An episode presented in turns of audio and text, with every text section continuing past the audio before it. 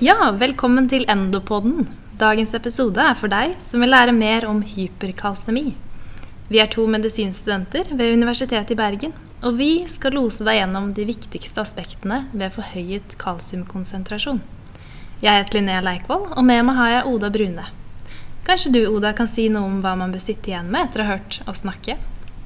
Ja, vi skal gå gjennom ulike årsaker til hyperkalsemi, og hvordan det kan arte seg eh, klinisk.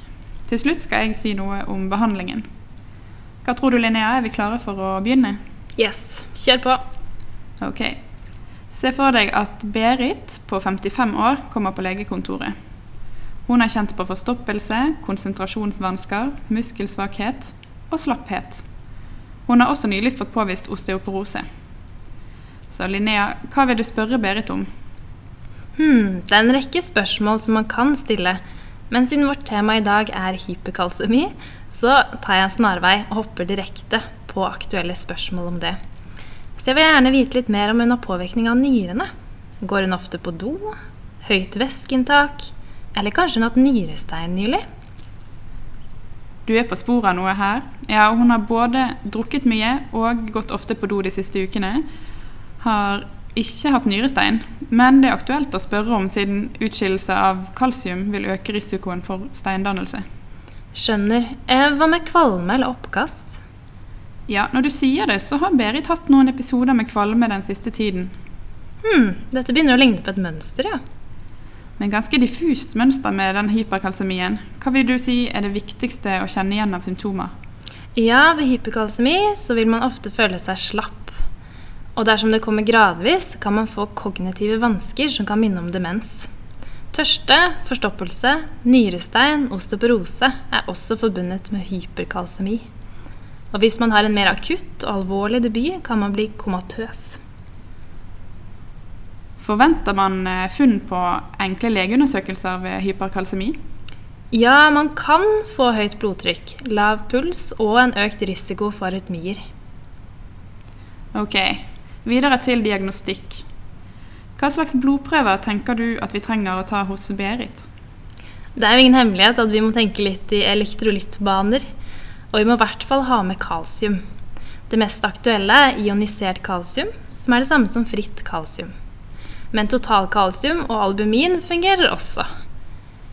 Vi kan også ha med elektrolytter, vitamin D, og kreatinin kan gi en pekepinne på om nyrefunksjonen er medvirkende.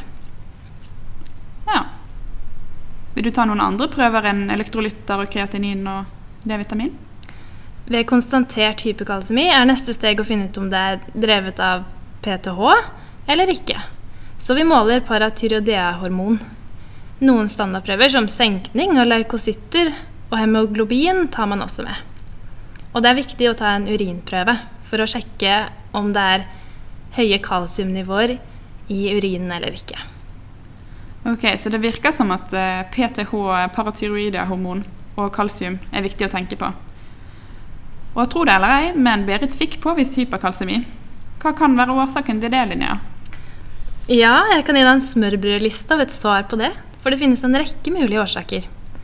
Det vanligste er primær hyperparatyrodisme. Det skyldes overproduksjon av paratyroidea-hormon. Og mest sannsynlig årsaken i Berits tilfelle. Basert på at hun er kvinne og postmenopausal. Men det kan selvfølgelig også være at hun har uoppdaga kreft. Kreft kan gi hyperkalsemi på flere måter, men vanligst ved at skjelettmetastaser bryter ned beinet. Jeg er enig i at eh, paratyroidia kan ligge under hos Berit. Kreft må nok likevel utelukkes. Men eh, kan det ikke også være at Berit har fått hyperkalsemi pga. medikamenter hun bruker? Sant. Det er en rekke legemidler som kan gi hyperkalsemi også. Så det kan være lurt å sjekke opp i. Eh, typiske eksempler er litium eller tiazider. Hva om det ikke var Berit, men heller Lars på 30 år som fikk målt høyt kalsium? Da er det vel ikke like stor sannsynlighet for at det er primærhyperpara som står bak? Det finnes vel noen arvelige tilstander som kan gi hyperkalsemi. Vet du noe om det? Godt poeng. Ja, vi har eh, de arvelige tumorsyndromene MEN1 og 2, hvor faktisk primær hyperparatyrodisme kan oppstå i ung alder. Her ser en ofte en familiær opphopning.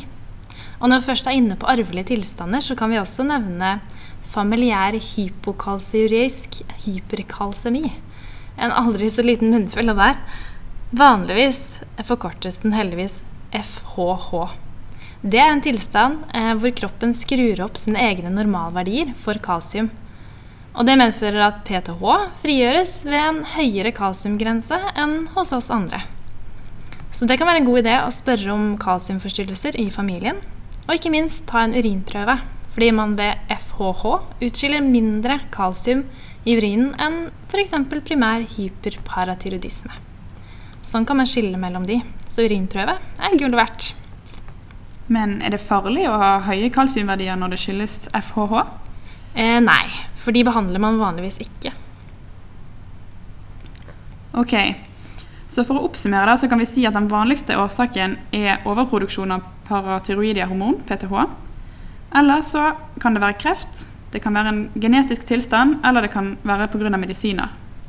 Men det er vel også sånn at binyrebarksvikt og tyriotoksikose også kan gi hyperkalsemi? Korrekt. Derfor er det en lavterskel for å ta endokronologiske prøver. Og man kan jo alltids trylle fram en av disse ordentlige Dr. House-diagnosene, som sarkoidose. Eh, derfor kan det være at man kan vurdere å ta et røntgen-thorax. Ja, røntgen-thorax kan jo være greit hvis man mistenker malignitet også. Ja, og hvis man har symptomer som tyder på hjerteaffeksjon, som bradykardi, hypertensjon eller arytmi, så kanskje det ikke er så dumt å ta et EKG? Åh, oh, Nei, ikke, la oss ikke gå inn på EKG. Berit har heldigvis ingen hjerteaffeksjon da, eller funn på røntgen. Hennes eh, parathormon er forhøyet, og hun har ingen tegn til malignitet. Så hun har nok primær hyperparatyroidisme. Ja, jeg tenker at både vi og lytterne nå er mer gira på å høre på hva vi faktisk kan gjøre med denne hyperkalsemien til Berit. Så la oss eh, gå over til eh, behandling, Oda. Hva kan vi gjøre? Behandlingen av hyperkalsemi kommer jo an på hvor alvorlig det er.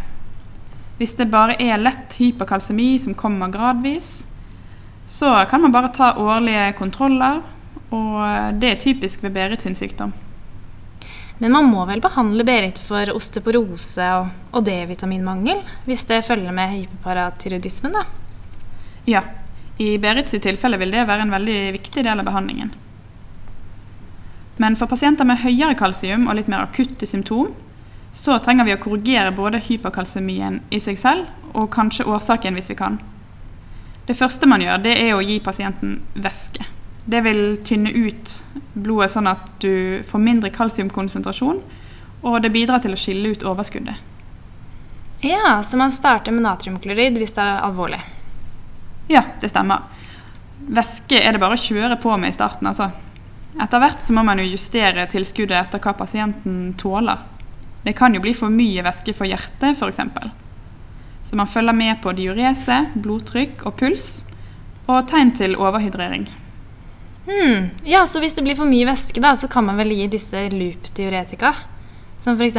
furusmin. Og det blir vel i tillegg til væske. Men så, hvor lenge behandler vi sånn med væske egentlig, da? Eh, du skal gi væske helt til kalsium er normalisert. Samtidig går man videre til neste trinn. Det er nemlig enda flere punkt i behandlingen av hyperkalsemi, der noen kun gjelder spesielle pasientgrupper. Først kommer væskebehandlingen, som vi har snakket om. Så er det bisfosfonater, og nummer tre er kalsitonin. Ah, ja. Men når er det egentlig man bruker bisfosfonater og kalsitonin sammen med væskebehandlingen? Bisfosfonater brukes alltid ved kreftindusert hyperkalsemi og ved alvorlig hyperkalsemi av andre årsaker. Man kan bruke soledronat, og det har effekt over et par dager. Kalsitonin derimot, det virker etter få timer, så det er viktig å begynne med det. Ja, mm. så alle skal ha væske. Kreftpasientene og de mest alvorlige tilfellene de skal ha bisfosfonater. Og ved alvorlige symptom skal man også gi kalsitonin. Så, men hva mer kan vi gjøre? Det er noen pasientgrupper der eh, glukokortikoider kan hjelpe, sammen med væske og kalsitonin. I siste instans da, så er det hemodialyse. Men dialyse brukes kun når annen behandling ikke gir noen bedring.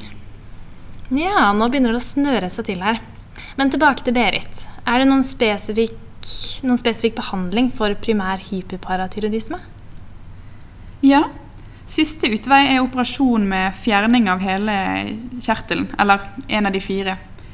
I påvente kan en bruke Sinakalsett, som hemmer produksjonen.